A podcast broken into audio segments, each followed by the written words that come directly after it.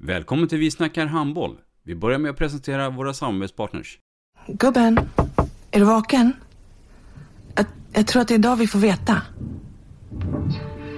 Jag kom in! Mamma, jag kom in! Mamma, jag kom in!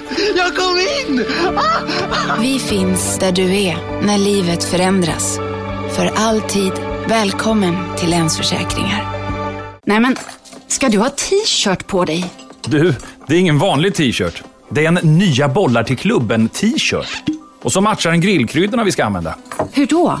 Men det är ju alla ska med på klassresan grillkryddor. Stötta barn och unga. Shoppa på newbodyfamily.com. Länge leve föreningslivet!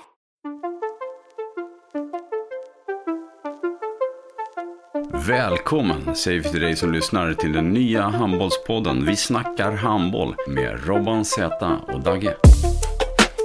Vi snackar handboll, där du får veta alla sanningar som du inte visste att du missat. Vi snackar handboll. Idag i programmet Vi snackar handboll med Robban Zäta och Dagge så har vi en eh, härlig gäst och vi ska prata ett mycket, mycket kärt ämne. Och det handlar om eh, förebyggande skador och allmänt om rehabträning inom handbollen då. Då hälsar vi välkommen Ann Hopfgarden. Tack. Du, eh, vem är Ann? Ann är en eh, människa i sina bästa år som halkat in på handbollen. Det säger jag nu hela tiden, fast nu är det ju länge sedan. Nu är det ju kanske 18-19 år sedan som jag halkade in här. Jag har aldrig någonsin spelat handboll.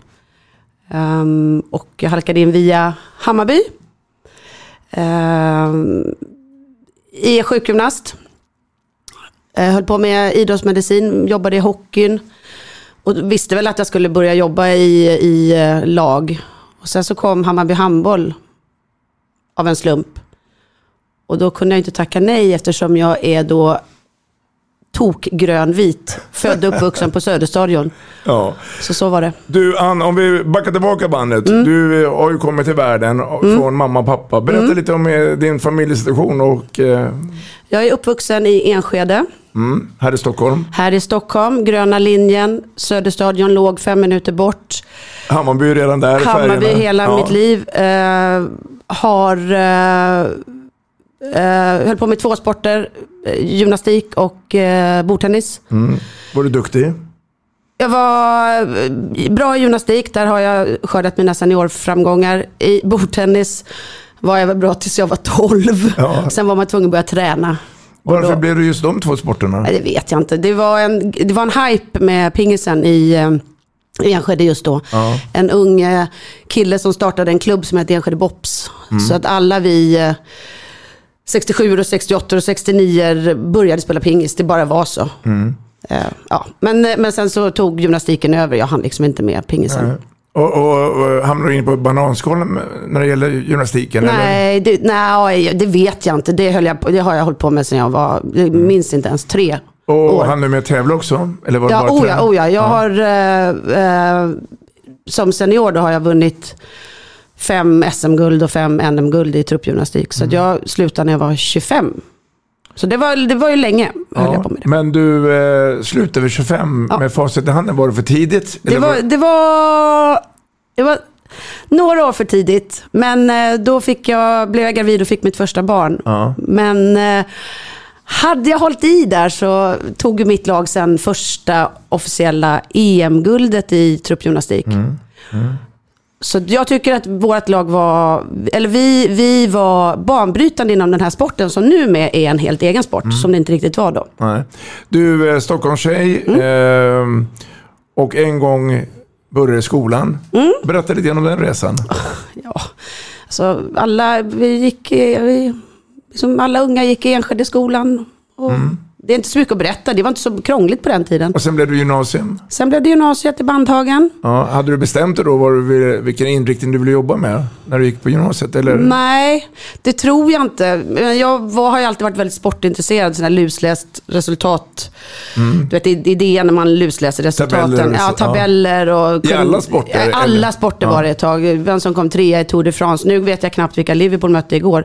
Så att jag har tappat det där lite grann. Men då var jag helt sportgalen. Så att det skulle bli någonting med sport var väl inte helt oväntat. Nej. Men sen blev jag faktiskt ganska sjuk efter gymnasiet och fick en sjukdom som hette Guillain-Barré och blev inlagd på sjukhus, låg länge på sjukhus och förlamad.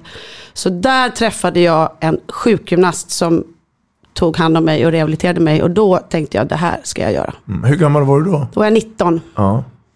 Och eh, fortfarande i skolan då? Eller? Nej, jag hade precis, jag hade precis slutat gymnasiet. Det var Ja. precis, alltså, precis där när man hade slutat gymnasiet och inte visste vad man skulle göra. Ja. Så då, då ja, jag blev jätte... Du halkade in där? Ja. Eller kände du också det här är jag Nej, men då, då fick jag, då, då var jag ju sjuk och så, så ja, tog det ju tid innan jag kom tillbaka för man blir så liksom, är sjuk efter det också. Sen fick jag börja om gymnasiet igen och gick på vårdlinjen. Så jag har gått fem år i gymnasiet Ja. och sen efter det blev jag undersköterska och sen efter det blev jag sjukgymnast. Okej. Så, så jag har lång skol, Ja, ja. Och, skola. och, och familjen då? När, när kände du att det var dags att skapa en familj? Ja, det är tydligen när jag var 25 då. då. Om jag nu får se tillbaka, men det var kanske lite tidigt. Ja. Ja. Eh, och, och familjen är kvar? Nå, men, men eh, vi, vi separerade. Så jag har tre, tre barn som, det var den yngsta är 18 nu. Ja. Eh, Och killarna är vuxna. Och sen har jag en, eh, en, ja nu bor jag med, med en annan Ja, sambo. bonusbarn? Nej, inga bonusbarn, men Nej. han då, min sambo Kalle har ju bonusbarn. Så vi, vi, jag och dottern och Kalle bor tillsammans. Okej, det är bra. Ja, det är bra. Du, ehm, härligt. Kul att ha det här. Tack. Ehm, jag tror faktiskt att ehm, vi har en hälsning till dig. Jaså? Ja. Eh, så idel öra här nu då, Ja. så får du se. Hej Ann, Ampan här. Vi har ju kamperat ihop en hel del nu i landslaget sista tiden. Och jag vet att du är specialist på mycken, men att du är särskilt intresserad nu på korsbandsskador. Och jag är ju själv en av de som har varit drabbad. Inte att det har gått av, men att det är uttänt och eh, bytt då till protes.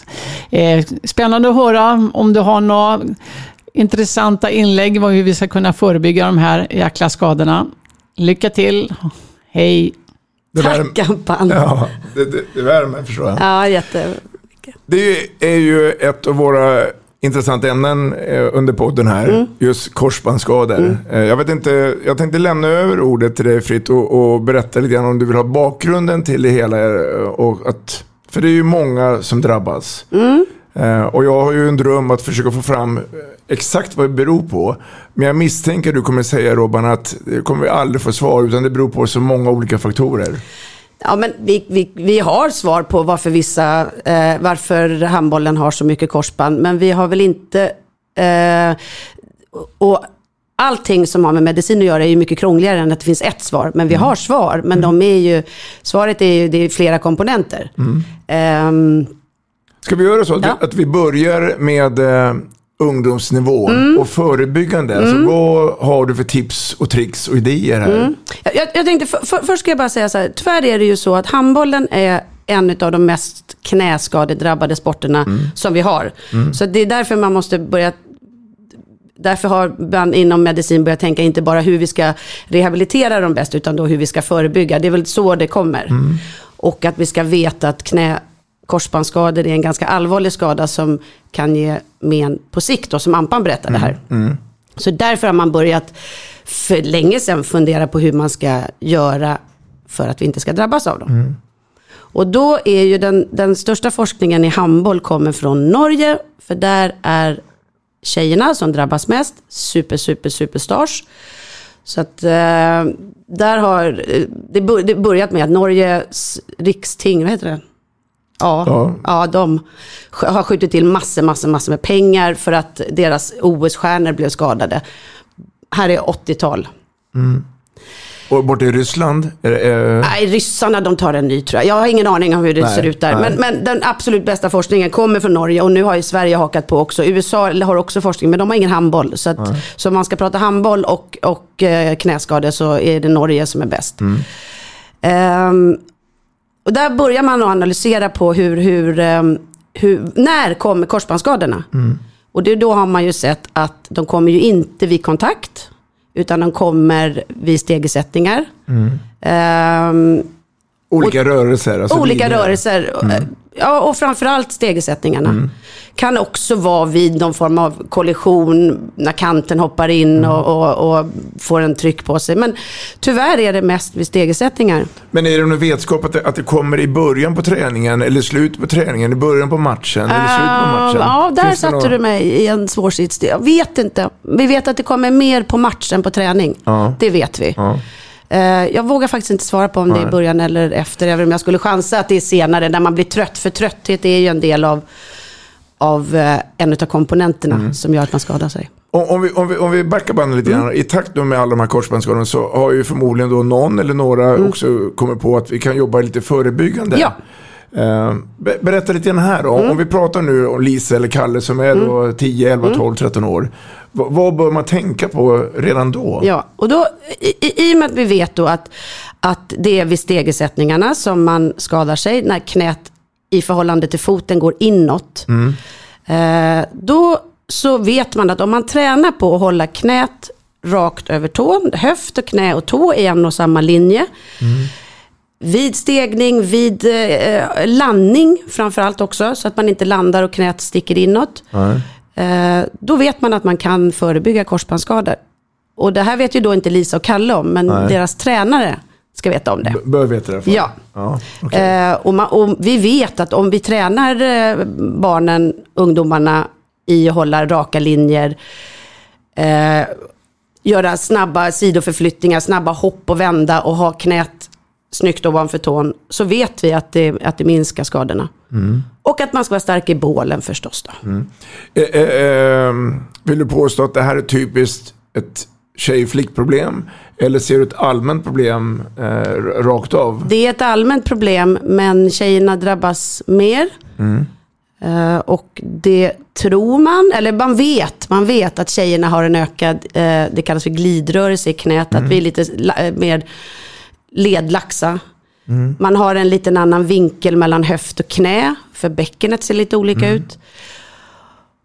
Och sen så vet vi tyvärr att tjejerna eh, exponeras tidigare i, eh, i A-lag. Belastningen blir högre? Belastningen blir ju högre. Och sen tyvärr så tror vi att vi vet att tjejerna, trots att de är tidigare mogna, tränar sämre styrketräning. Ehm, vi kommer tillbaka till det. Ja. Eh, jag vill gå in till din personliga roll. Du är ju legitimerad sjukgymnast. Ja. Ehm, kan, kan, kan du och dina kollegor gå in hårdare och säga att här tränaren är fel? Eh, tänk på de här sakerna. Eller, jag tänker på din bild, för det går mycket hand i hand med Hammarby. Eh, och, och framförallt den erfarenheten du har med dig nu i, i ryggsäcken. Hur, hur tänker du här? Det är klart. Nej, jag, jag tänker så här, jag kan inte lägga mig i hur man tränar själva handbollen. Där känner jag att det vill jag inte göra. Men däremot så, så eh, kan vi lägga oss i att, vi, att man ska ha en skadeförebyggande uppvärmning. Alla ungar ska värma upp och alla eh, eh, elitspelare ska också värma upp. Och då ska uppvärmningen kan vara den där skadeförebyggande delen. För att annars blir det så att man ska göra den där skadeförebyggande delen som tar 10 minuter, den blir liksom pålagd ovanpå träningen. Och då hinner man inte med, och framförallt inte Stockholm där alla har två timmar i veckan i hall. Men de ska ändå värma upp och istället för bara springa fram och tillbaka i en korridor så kan man göra det lite smartare. Så tänker jag. Här skulle jag vilja sticka ut hakan och säga det. För jag, jag hör ju ofta att vi, vi hinner inte, vi har inte tid. Nej, Jag vill påstå att det är bullshit. ja. Jag tycker man ska ta till det. För jag försöker då i mitt ledarsyfte Mm. tänka på det här. Sen vet vi ju mycket väl att, att ibland går det in i örat och så går det ut lika fort. Mm. Eh, för jag, jag vill tro ändå att förebyggande träning bör leda till att vi får mindre eller färre skador. Men så är det ju. Man räknar med, tyvärr, att i alla elitlag Så på damsidan framförallt så går det ett korsband per säsong. Ett till två sa man förut. Jag hoppas att det är lite mindre nu, men jag tror inte att det är det. Nej. Eh, Så då skulle det vara i varje damlag så skulle det vara två spelare mindre i mitten på säsongen, i slutet på säsongen. Det är ganska mycket i ett handbollslag. Så att det är klart att vi måste, måste göra sån prehab-träning eller prehab eller vad ni kallar det för. Det måste vi. Och- Uppvärmning tycker jag man kan ha det som. Ja. Ja. Vi, vi kommer till det här eh, fina ordet knäkontrollen. Ja. Det, det, om, om, vi, om vi backar lite, du var inne på Norge där. Mm. Att, ehm, har, har du fått tagit del av deras, eh, deras studier eller deras, Mm. eh, att det har blivit färre skador? Och vad gjorde de? Ja, det blir färre skador. Om man, om man har ett knä, knäkontrollsprogram kan vi kalla det för. Prehab-program kan vi kalla det för. Skadeförebyggande program. Det är samma sak, det är bara olika ord.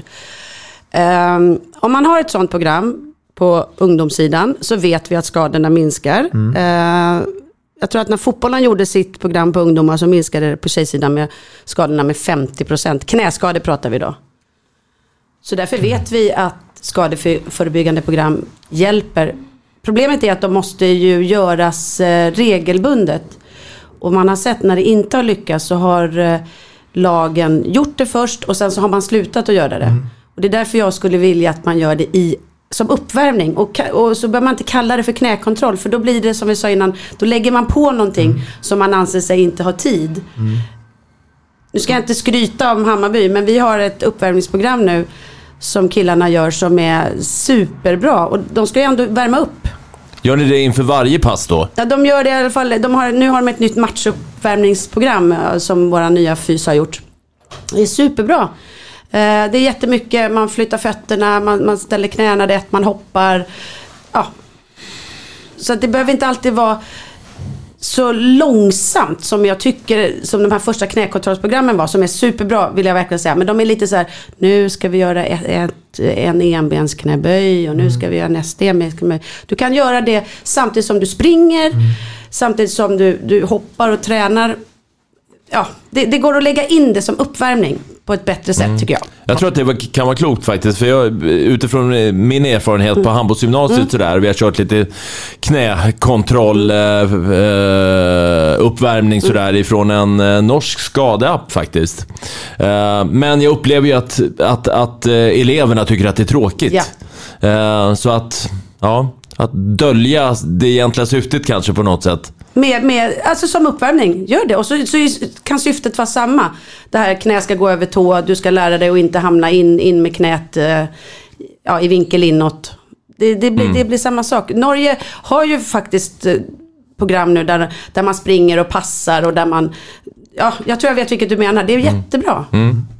Man, man pratar ju mycket om att göra det före match eller före träning. Efter träningen eller efter matchen, har, eh, finns det någon betydelse att man kan göra inom citationstecken knäkontrollen igen? Jag vet eller? faktiskt inte. Nej. Det, det, det vågar inte jag svara på. Jag kan inte se riktigt vitsen. Vitsen skulle vara då att man förbereder sig neuromuskulärt för nästa träning. Men inte för det som har varit kan du ju inte förbereda dig. Men för nästa gång. Du Dagge, eh, du har ju erfarenheter av att drabbas av korsbandsskador bland spelare och eh, även inom din egen familj. Eh, vad, vad känner du när du hör ordet korsbandsskada? Jag känner en eh, uppgivenhet faktiskt. I synnerhet när det gäller tjejer. Och, ja, och även i synnerhet liksom för min familj. Och, eh, liksom, jag har tre handbollsspelande döttrar, eh, varav de två yngsta har, drabbats. Och den mellersta kom aldrig tillbaka igen efter sin korsbandsskada. Och den eh, minsta är på väg, men man vet ju inte riktigt hur det går. Det var komplikationer och, och, och sådär. Så att det, nej, det, det är riktigt tungt faktiskt. Och det känns, det känns lite orättvist att tjejer drabbas så oerhört hårt. Jag, jag vet inte vad det procentuella me- mellan tjejer och killar, Anne, men, men det kanske du har koll på? Någonstans, lite olika i olika studier, men mellan tre och sju gånger så hög risk för tjejer som för killar. Ja. Det är oerhört mycket. Ja. Jag har ju lite följdfrågor på det där.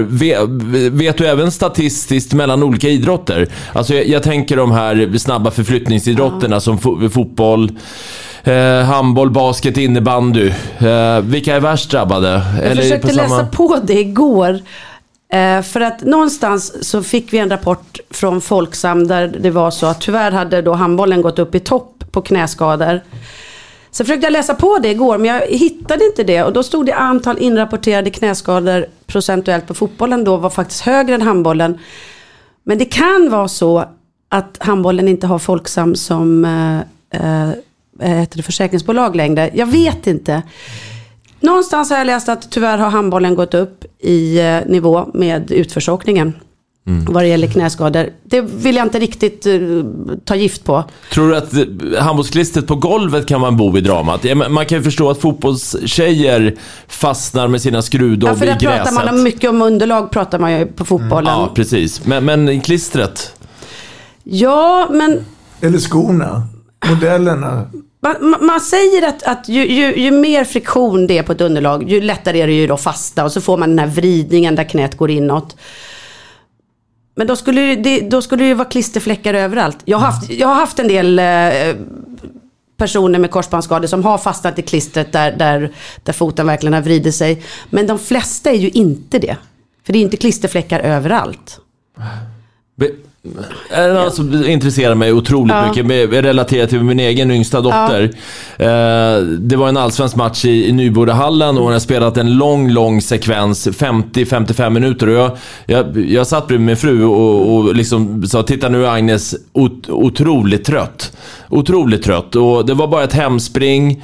Ingen kroppskontakt, helt oprovocerat, bara ska vridas om och ändra riktning och så går knät. Ja, jag vet. Så att, och, och, liksom- trötthet liksom, är ämnet Precis, trötthet. Kan inte det vara liksom en mycket, mycket större risk när musklerna är trötta? Ja, och det vet vi att trötthet är en, en av riskerna som jag inte sa förut. Det vet vi.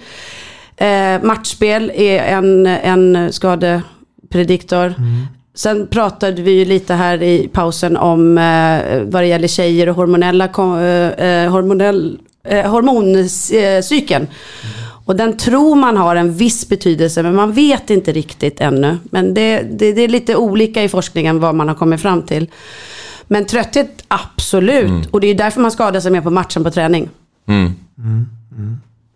mm. Så då kanske man ska vara ha ännu mer, ännu mer liksom VO2 max vältränad. Jag vet inte, men mm. det kan ju vara en, en tanke i det. Å andra sidan så, ju mer vältränad man är, man går ju liksom i botten på något sätt i alla fall. Eh, liksom i intensiva handbollsmatcher. Antagligen. Jag, jag, tror att, personligen så tror jag att det handlar om att spela i kortare byten. Kanske. Nora Mörk är ju inte direkt otränad. Nej, precis. För att liksom inte uppnå den här extrema trötthetströskeln. Ja, ja det, det, kan absolut. På tjejer i alla fall. Ja, men absolut. För någonting måste vi göra åt det här. För det är ju oerhört tragiskt med tjejer och korsbandsskador. Mm. Och handboll. Mm. Det är inte jättebra PR. För vår sport, jag måste kalla det vår nu, ja. fast jag aldrig har sagt att jag tillhör handbollsfamiljen. Men jag får väl inse att jag kanske ja. gör det nu. Eh, vi, vi, har ju pratat om lite förebyggande mm. och, och, och, lägga in då, lura in spelarna och, och inte använda ordet knäkontroll i uppvärmningsövningarna. Ja. Eh, och det, kan, och det, det tror jag eh, många tar eh, fasta på och mm. följer med. Så att säga. Är det, är det något mer du ser i förebyggande syfte att kunna lägga in i det här? Eller är det så att vi tar nästa steg? Ja, men om, om nästa steg är, eh, är, om man nu har fått sin korsbandsskada. Mm. Då måste vi vara mycket, mycket, mycket det, det, måste ta den tid det tar. Förut pratade man om att det tog ett halvår. Det kan mm. vi glömma direkt. Det tar inte ett halvår att komma tillbaka. Det kanske tar ett halvår att komma tillbaka till att kasta någon form av boll. Mm. Uh, men vi måste, vi måste räkna med att det tar 9 till 12 månader att komma tillbaka från en korsbandsskada. Mm. För varje månad, du, du, från, mellan 6 och 9 månader, så minskar risken för att få en ny korsbandsskada med nu säger jag x antal procent för jag minns inte i huvudet. Men det minskar drastiskt för varje månad som går. Och barn och ungdomar, de som är 15, 16, kanske till och med upp till 17. De ska ha en rehabtid på ett år säger vi nu. Och det måste vi hålla. Och det måste ni hålla, tränarna. Mm. Mm. Jag det- hörde någon ortoped som sa att 9 till 12 månader, precis som du säger. Ja. Men man ska ha klart för sig att det tar två år för korsbandet att bli helt, alltså lika starkt som det friska kors, korsbandet. Ja, och det, det, det kanske det är. Det, det vet jag faktiskt inte. Men det tar definitivt två år att komma upp i någon form av handbollsnivå igen. Så att man inte hamnar i de här trötthetssituationerna. Ehm, det gör det. Och första året, det har ju också ni sett. Där tycker ju många spelare att det är lite läskigt. För att de, de har det här i huvudet att vrider jag mig nu så kan det poppa. Jag hade en spelare nu i Hammarby som för första gången skulle tillbaka till en arena där han drog sitt korsband. Vi har ju spelat då i Allsvenskan i två år, så vi har inte varit i de fina arenorna på ett tag. Var det Sparbankshallen i Rimbo? Nej, det var inte det precis. Nej, men då, det, och då fick jag sms innan, så här, "Åh, nu ska jag tillbaka till den här hallen, nu ska jag tillbaka till den här hallen. Ja, men det är klart att det kommer gå bra. Det är fyra år sedan nu. Men det sitter ju i huvudet. Och vad händer när det sitter i huvudet? Då blir man rädd. Och så kanske man förminskar sina eh, rörelser, inte vet jag. Det gick jättebra, men eh, det, två år. Ett års rehab, där det ingår handboll. Ett års liksom uppbyggnad handbollskunskapsmässigt. Och sen är du färdig. Du Dagge, rätta mig om jag fel, men jag har för mig att du har sagt att, eh, att risken kan vara stor att om man drabbas av en korsbandsskada så kan det hända igen på andra knät. Mm, ja men precis. Eh, det har vi ju hört talas om att, eh, att ortopeder säger det, eller statistiken säger det. Att eh, har, du, har du väl slitit av ditt ena korsband så är, så är risken uppenbar. Så pass uppenbar som 50% att det andra går. Vad, vad beror Eh. det på då? Är det någon som kan svara på det? Det beror på att en skada, eh, att skada är den största prediktorn för att få en ny skada. Eh, och varför det är just korsband, jag vet inte. Men det, det, så är det, det är helt sant. Du har ju stor risk att dra andra korsbandet om du har dragit Kan det vara att man eh, kompenserar på något sätt? Att det sitter i bakhuvudet, att man har den här gamla skadan och man lite omedvetet försöker skydda det och... Det, det är väl en sak, men det kan också vara att du är en person som har de här som vi pratar om, kanske lite en en höftvinkel, kanske är lite kobent, kanske är lite mer ledlax då som vissa tjejer är. Och en del killar också för den delen. Men, men det, kan, det kan bero på att du, just du har den kroppen som, som har förutsättningar för att få en korsbandsskada. Förutsättningar var inte rätt ord va? Nej, Ris- riskerna. Riskbenägen. Ja. Tack. Du brukar ju säga det Dagge, att, att eh, de här som tränar som inåt baljan och är bra, oftast är det de som drabbas. Ja, men för mig, för mig tycker, är det slående att det är de, alltså, för att grovt generalisera nu, så är det de mest vältränade tjejerna som ofta drabbas. Jag tror att det handlar om eh, speltid där, tror du inte det? Ja, kanske. Jag, jag jobbar ju på en idrottsskadeklinik och jag har korsband och handbollsspelare, det är 80% av mina patienter. Och jag tycker att jag har allt där, från sådana som vill vara med i landslag till sådana som spelar i BK Bananen. Liksom. Eh, men tror inte du att det har att göra med att, att det är speltiden där? Kanske är det. det, Och, och, det, och, det kan, och tröttheten. Ja, ja, men ja, ju mer speltid, ju tidigare du kommer upp i A-lag, alltså, då, har du ju, då har du ju mer matchspel. Ann, om vi går tillbaka till den här norska studien som vi pratade om i, i början. Ja, jag ska säga studierna, det är Ja. otal. Ja, Ja. Det, det, men eh, ser vi nå ser vi nå klarhet i framtiden? Att, att, eh, eller kommer vi få leva med det här om vi skulle sitta och göra en ny podd om tio år? Så pratar vi samma sak igen. Jag tror faktiskt inte att vi gör det. För att Norge, Norge är ju liksom ledande i handboll och forskning. Och till exempel har de infört, om jag inte är helt missunderrättad, så har de infört att tjejerna får inte elitlicens före nio månader efter en korsbandsskada. Hur bra de än är så får de inte lov att spela högsta ligan. Och det är superbra. Och, och, att de, och de analyserar varenda skada. Analyserar de och, och tänker hur kan vi göra annorlunda. Så jag hoppas inte vi sitter här om tio år och pratar om att två tjejer i varje lag får en korsbandsskada. Och kanske en kille då. Jag hoppas inte det. Är det på elitnivå den statistiken eh, berättar att just två per lag? Ja, så är det. Elitnivå? Ja. Mm, Norska siffror just det. Mm. på dam. Mm. Om man går ner i åldrarna då? Vet det inte. fem? Jag vet Nej, inte. Men nej. det är väl, jag kan tänka mig, det skulle inte vara mindre där. Det är, den största risken har du ju där mellan 16 och 27 eller vad det någonting är. Mm. När väl olyckan är framme Mm. så brukar det dröja ett tag innan man får beskedet att främre eller bakre korsbandet är av. Eh, var, varför, varför dröjer det så lång tid? Har du något svar på det? Fast jag måste säga att det dröjer inte. För att om man, om man ringer till någon av oss som jobbar med det här på daglig basis Ja. i Stockholm, Ja. ska jag säga också. Ja. Det är olika i olika i, i, Regioner. Ja, absolut, såklart. Så, så löser vi en läkarkontakt inom en vecka. Mm. Och sen eh, Menar du inte att man får vänta länge på magnetröntgen? Eller MR? Ja, dels det. Men sen också att det kan ju vara eh, att det är svullet. Eh, Jag var lite nyfiken på hur, hur, hur, knät förhåller sig när väl skadan har hänt, Mm. skett. Så. Då, då svullnar det ju upp. Mm. Så, att, så fort man eh, ser någon som tar sig runt knät eller någon annan kroppsdel så ska man ju linda på hårt.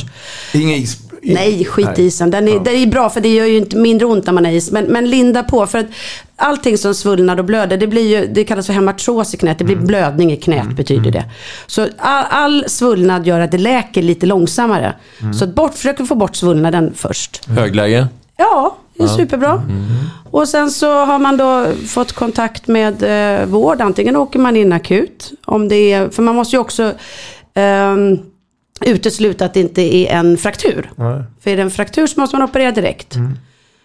Och vissa inslagna menisker måste man också operera direkt. Det är akutoperationer. Fraktur är alltid akutoperation. Korsband är ju inte det. Nej. Korsbandet, då ska knät ha lugnat ner sig. Eh, svällt av. Man får alltid när man drar korsbandet ett, ett eh, bone bruise kallas det för. Alltså en, en eh, vad ska man säga? En, Klapphet eller? eller? Nej, alltså ett, blåmärke i, i skelettet. Aha. Får man alltid. Och det tar ett tag innan det läker. Så det ska liksom lugna ner sig knät. Och då kan man också efter någon vecka göra verkligen en klinisk undersökning. För det går inte att göra på ett, ett, eh, nyskadat knä. Det går inte. Nej. Och då bedömer man det här knät.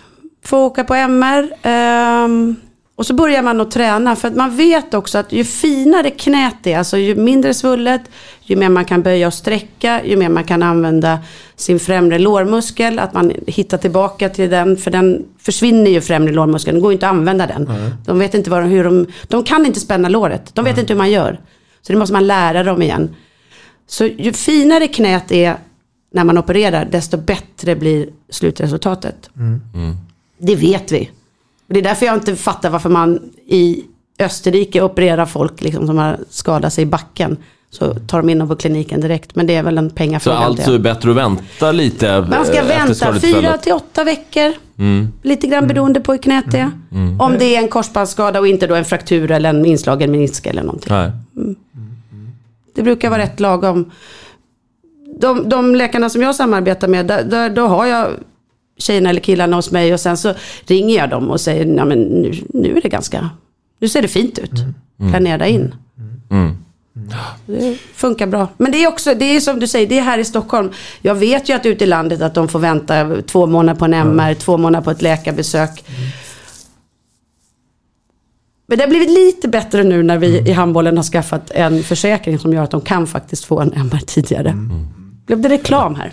Kan, ja, det får du göra. Du, Mm. du kommer nog bli eh, sönderringd här. Du, eh, Ann, eh, din karriär var ju gymnastik. Eh, Mm. Du ha- hamnade på ett bananskal med handbollen. Eh, vi vet att du har ett eh, grönt och vitt hjärta med Ja. Hammarby. Men sen har du förmodligen då fått ett samtal från Svenska Handbollförbundet. Ja. Du finns ju med där också. Ja, det Berätta fick jag. Vi, vi har ett medicinskt nätverk i handbollen som har varit jättelärorikt för mig. Eller för oss alla, där vi utbyter erfarenheter, alla vi läkare och, och sjukgymnaster och naprapater och vad vi är. Och utifrån det nätverket så ringde de mig och frågade om jag ville ta ett ungdomslandslag. Och det sa jag, det vore väl kul. Så då halkade jag in på eh, 94-95 killarna. Med Sanotti och Peter Möller. Det var nog bland det roligaste jag gjort för det var, det var Ja, Högt och lågt. Det var högt och lågt. Och hej Peter och hej Johan. Men ni vet, vi Ja. hade fantastiska resor. Och där var vi i fyra mästerskap på raken. Christer Broman var med i den Ja, organisationen. han var ju det. Hela den resan var ju, var ju på våran resa. Eh, Lärde du mycket på de fyra åren? Ja, det, jag lärde mig jättemycket. Framförallt så lärde jag mig, dels så lärde jag mig rätt mycket handboll. Jag är inte så bra på handboll. Eh, och sen så lärde jag mig att det finns andra lag utom det här Hammarbylaget då. Och, nej men alltså, jag vidgade mina vyer verkligen, gjorde jag. Och efter det då? Och efter det så var jag färdig och var rätt trött på att resa på eh, somrarna. Och då frågade förbundet Kalle, min sambo, om han ville bli U20 förbundskapten. Och då sa han ja till det. Så var han det två år. Och sen efter det så sa jag så här, nu ska du och jag ha semester ihop. Nu ska vi inte hålla på med sånt här. Då ringer förbundet igen och frågar om jag vill vara med på dam A. Och då sitter jag hemma och så säger jag så här, nej, vi, nej nu måste vi ha lite semester ihop. Och sen hör jag mig själv säga i telefon när Lasse Tjernberg ringer, ja vad roligt, det vill jag vara med på. Och det har jag aldrig ångrat. Nej. Det var roligt för jag hade ju bara varit på herrsidan. Ja. Och det var annorlunda på dam. Mm. På vilket sätt då? då? För första är deras eh, kroppar annorlunda såklart. Mm. Eh, men Och vi pratar äkta elitspelare. ja, ja, det var ju dam A. Det, var ju, det kan ju inte bli bättre nivå liksom. Nej men det, det är annorlunda på, på damsidan. Är det sociala skillnader? Socialt annorlunda är det. Ja. Det är både bättre och sämre. För att tjejer är mycket härligare och roligare. Men det är, samtidigt är det också, mm, kan det vara mycket, eh, man, man måste välja sina ord kanske lite mer på tjejsidan. Mm. Ehm, Var det en omställning för dig? Som bara hade jobbat, eller varit Ja. i... Ja, i herromklädningsrum ja. ja. Det var en omställning. Samtidigt så är jag ju tjej själv, hållit på med tjejidrott och varit i ett omklädningsrum där också. Så det är klart att jag vet. Mm. Men det var, det var en omställning. Men jag tycker att eh, nu har jag lärt känna de här damspelarna. Vi har skitroligt. Det är en ynnest att få vara med dem. Du är kvar en där i äh, damer A. Ja, det är jag. Eh, I alla fall vet jag att jag är där kvar över VM nu i Ja. Spanien. Men ja. Hur var OSet? Nej men jag var Men inte med på OS. Jag var med på alla pre-games Ah, eller okej. Ja. pre-läger där. Mm. Ehm, så det får du prata med de som var med om. Ja. Men den här rollen du pratar om, ni i team med eh, sjukgymnaster och allt vad det heter. Mm. Och, eh, när du kommer hem från ett mästerskap, Mm. är det massa förpliktelser att du ska rapportera? Eh, Ja, det måste vi göra till, du menar eh, på, på, på, på landslaget Ja. nu? Ja, oh ja. Ja. Då måste man rapportera till de här olika länderna. Och sen har vi ju tystnadsplikt Ja. också, så att allt får vi inte rapportera för spelarna. Det är spelarna som bestämmer hur mycket vi får rapportera till, till eh, klubbarna. Men med exempel, om, om vi tar nu, eh, nu får du eh, fatta rätt nu, Lindblom. Men om vi tar Lindblom, som är en fantastisk människa som vi pratat om många gånger här. Om det skulle hända henne någonting i landslaget. Ja. Är du den första då som ringer ner då till hennes klubb och säger att så här är det, Linn har brutit lillfingret. Det gör våran läkare. Ja, okej. Läkaren är den som har kontakten eh, utåt. Ja. Sen kan vi få rapporter från eh, eh, sjukgymnastteamet i de här klubbarna. Mm. Och eh, då svarar vi på det. Men, men det officiella samtalet är alltid läkaren som sköter. Och, och när, när landskampen eller mästerskapsmatchen är avslutad, är det då du har som mest att göra under den här perioden? Nej, det är under tiden. Ja. Det är under tiden. Mm. När man är... Mm. Och mycket, mycket... Alltså, på själva lägret är det som mest att. Sen när, när, ju närmare kampen man kommer, ju närmare landskampen man kommer, desto mer sköter tjejerna sig själva. De är faktiskt väldigt duktiga på att sköta sig själva. På den nivån, på liksom yppersta eliten Mm. som damer A är och liksom ett av världens bästa damlandslag. Finns det, finns det någon individ som är helt skadefri egentligen? Eller har alla någon form av blessyr? Liksom, ja, du förstår. Ja, jag fattar precis frågan. Och jag har tänkt på det. Jag tittar på, alla, eh, på tjejerna. Tittar på deras knä. Nu byts ju lite spelare hela tiden såklart. Men det är ju i princip ingen som inte har korsbandsskada på utespelarna. Målvakterna skulle jag nog säga är relativt skadefria, fast ändå inte. Där har vi haft hjärnskakningsproblematiken, den kan vi ta i en annan podd. Mm. Ehm, så nej, tyvärr är Nej, ingen helt nej. skadefri. Det är den Kan vara för tillfället. bistra sanningen för Ja, elitidrott. Ja, det är elitidrott inte nyttigt. Och det tror vi, eller ni, eh, att det beror på deras höga belastning i, i vardagen. Alltså elitidrott överhuvudtaget, det är inte bara handboll, är ju faktiskt inte nyttigt. Motion är bra, men elitidrott inte bra. Nej. Nej. Det är nog den bistra sanningen. Mm. Och då får man ju göra en cost-benefit-analys där om det är värt det. Eh, Underhållningsbranschen liksom. Ja, men det är ju faktiskt Kostar- det. ja, Det är faktiskt. det. Mer än, eh, ja, det är underhållningsbransch med resultatkrav. Ja. Usch, vad hemskt. Men när, när, vi, om vi nu blickar framåt här då. Det är ett mästerskap i december Mm. i Spanien. Hur, hur kommer du förbereda dig? Eh, tar du dagen som den kommer bara? Jag, jag tar dagen som den kommer. Just nu har jag jättemycket med, med Hammarby och jag måste ju också förbereda det för jag ska vara borta där en månad från dem. Eh, sen tyvärr nu eftersom det är en knäskadepodd här så har jag fått in massor med eh, knäskadade killar och tjejer till kliniken som är liksom snäppet under, alltså ungdomsnivå. Som har rasat in nu här. Eh, och jag vet inte om det beror på att de inte har tränat så mycket under pandemin. Det vet vi ju inte, det vet jag att Sportradion försökte ta upp. Eh, men vi vet inte, men vi kan ju misstänka det. För just nu har jag fem stycken i pipeline som väntar på operation, unga killar och tjejer.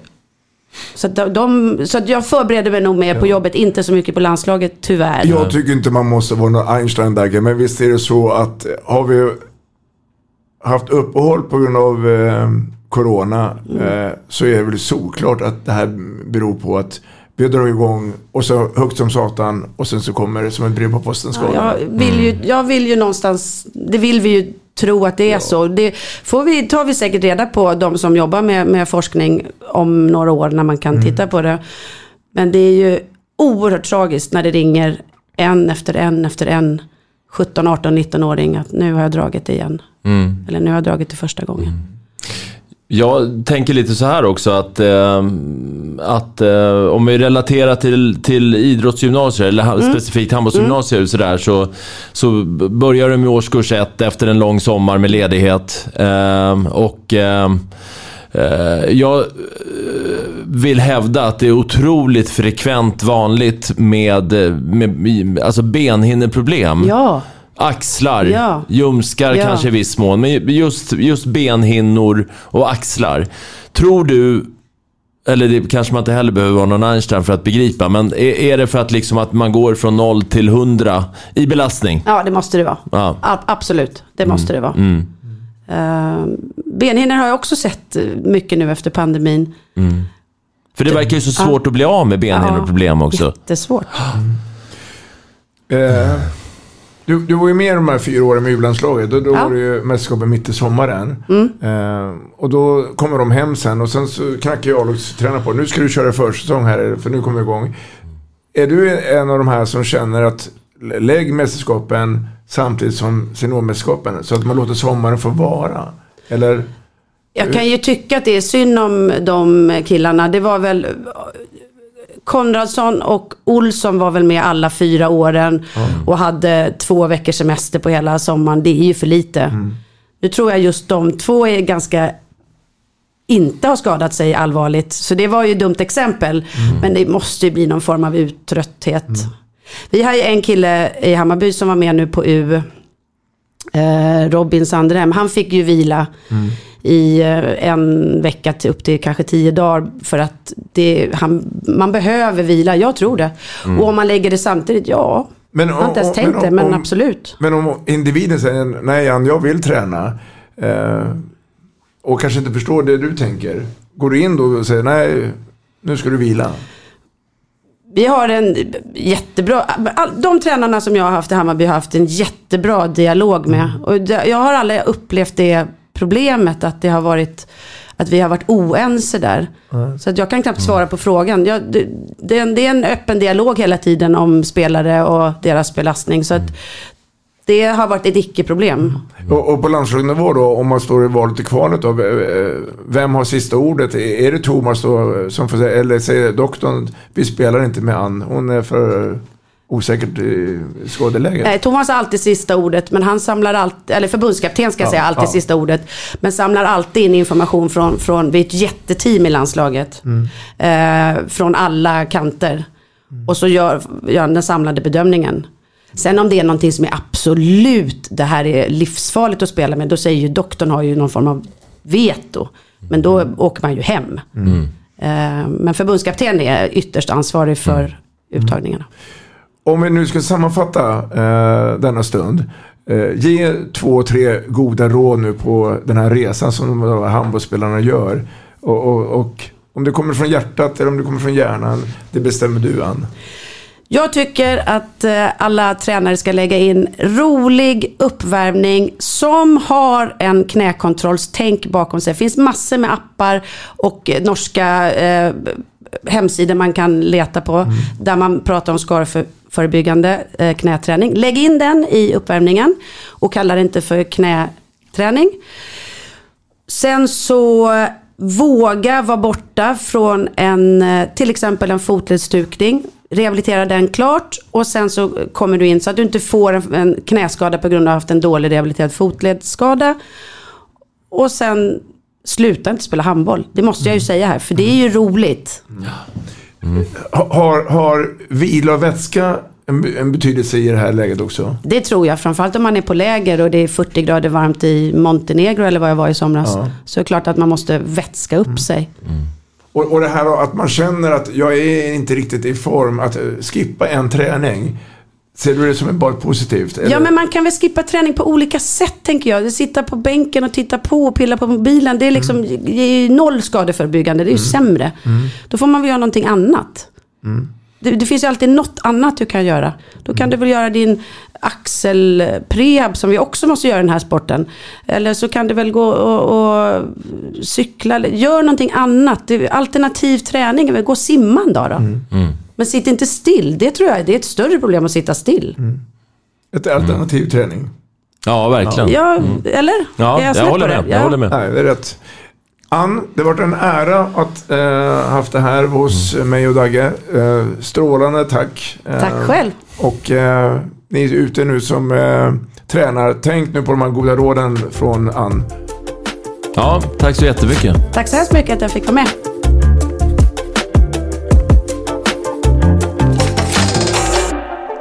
Vi snackar handboll, där du får veta alla sanningar som du inte visste att du missat.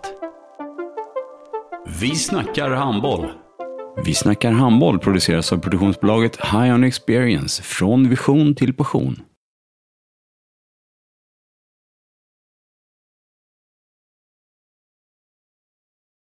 Ett avslutande tack till våra samarbetspartners. Hallå! Kommer ni eller? Ja, ja. Har du sett mina ankelsockar? De här? Nej, nej, jag menar skridskoslip till juniorlaget Ankelsockarna. Ja, men kolla bredvid träningsläger med handbollstjejerna-t-shirtarna. Stötta barn och unga. Shoppa på newbodyfamily.com. Länge leve föreningslivet! Gubben, är du vaken? Jag, jag tror att det är idag vi får veta. In! Mamma, jag kom in! Mamma, jag kom in! Jag kom in! Ah! Vi finns där du är när livet förändras. För alltid välkommen till Länsförsäkringar.